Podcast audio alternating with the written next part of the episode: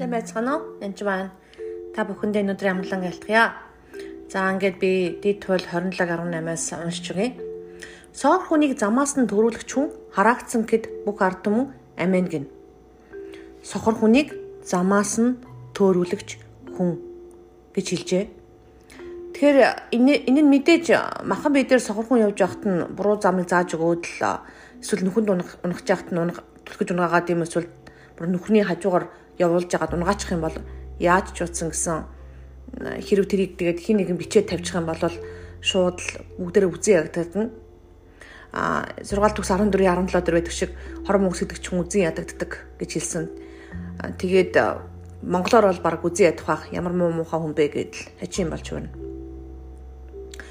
Гэхдээ энд сүнсний хувьд цохор хүнийг төрүүлсэн хүнийг хэн ч хараа мэддэггүй. А гэтээ гэтэл цохор хүн сохроо замчил зарим нь чадахгүй байхад замжилсаар л байдаг. Ихэнхдээ хүмүүс өөрийнхөө сохрыг бас мэддэггүй байж байгаа.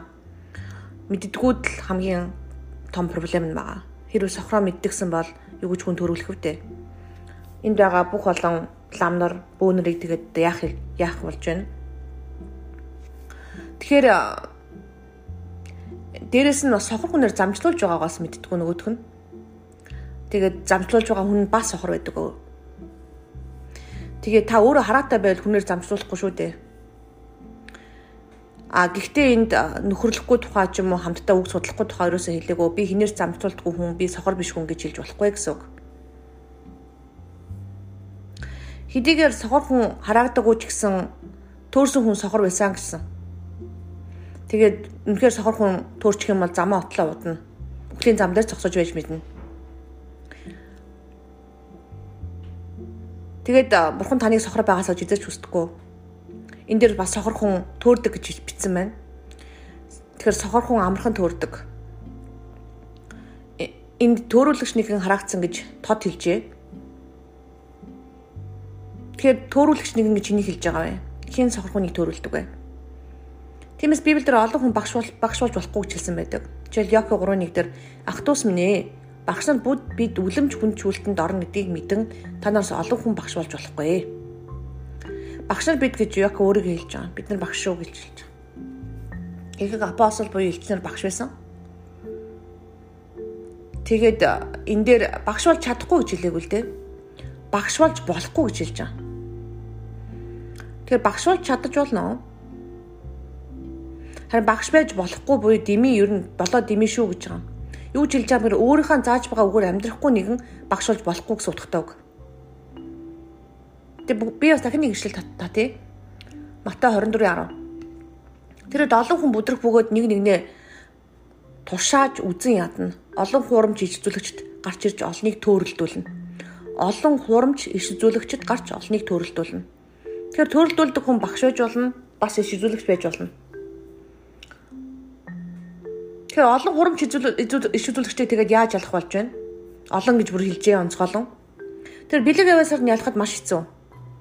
Тэгж ярих юм бол бөө хүртэл янз бүрийн хүмүүсийг эдгэж чөлөөлөд ч юм уу байгаа ч юм шиг лам хүртэл янз янзыг нээж л байдаг. Тэгээ бэлэг авьяастай мөртлөө төрөлцсөн хүмүүс байхыг би харсан. Харин үр жимсээр л ялгаж болно. Тэр хүн тайр байна уу? Тэр хүн хүндлэл байна уу? Бусдыг хүндэлж байна уу? Тэр хүн уучлж байна уу? Ямар зорилготоор үйлчлэл хийж байна? Атаарах ч юу, байрцаж юу, олонний танил болох гэж юу? Тэр хүнд амар амгалан байна уу? Зарим хүн бүр үзий ядаж бусдаас илүү гарах гэж хүртэл хийдэг. Баяр баясгалан байна уу тэр хүнд? Төвчээр байна уу? Өөрийгөө захирч чадаж байна уу? Өөрийгөө хит төвлгээд байна уу? Даруу байна уу? Хамгийн гол нь эзнээс имэж түүний өвтөр шалдуулгартай байна уу? Эзний үгийг өөрийнхөө manipulation буюу өөрийнхөө хүслээр ийш тийш нь говьлаад хүсэн үедээ гоё ишлэл гаргаж ирээд хүсээгүй үедээ муу уучлаар хүмүүсийг айлгаж байна уу?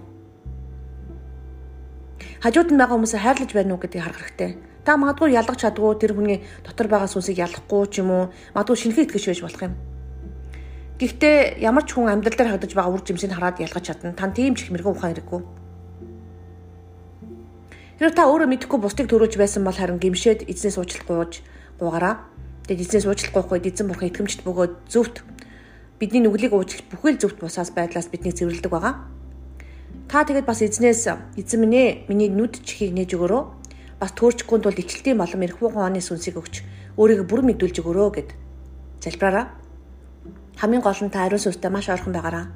Ариун сүнстэй ойрхон байгаа үед та хизээж төрөхгүй. Тэгээд тутыг бас төрүүлэхгүй байхын тулд таа ч гэсэн бас ариун сүстэй ойр байгаараа Хамгийн гол нь даруй байгаараа. Бурхан танд үнэхээр хайртай шүү. Баярлалаа.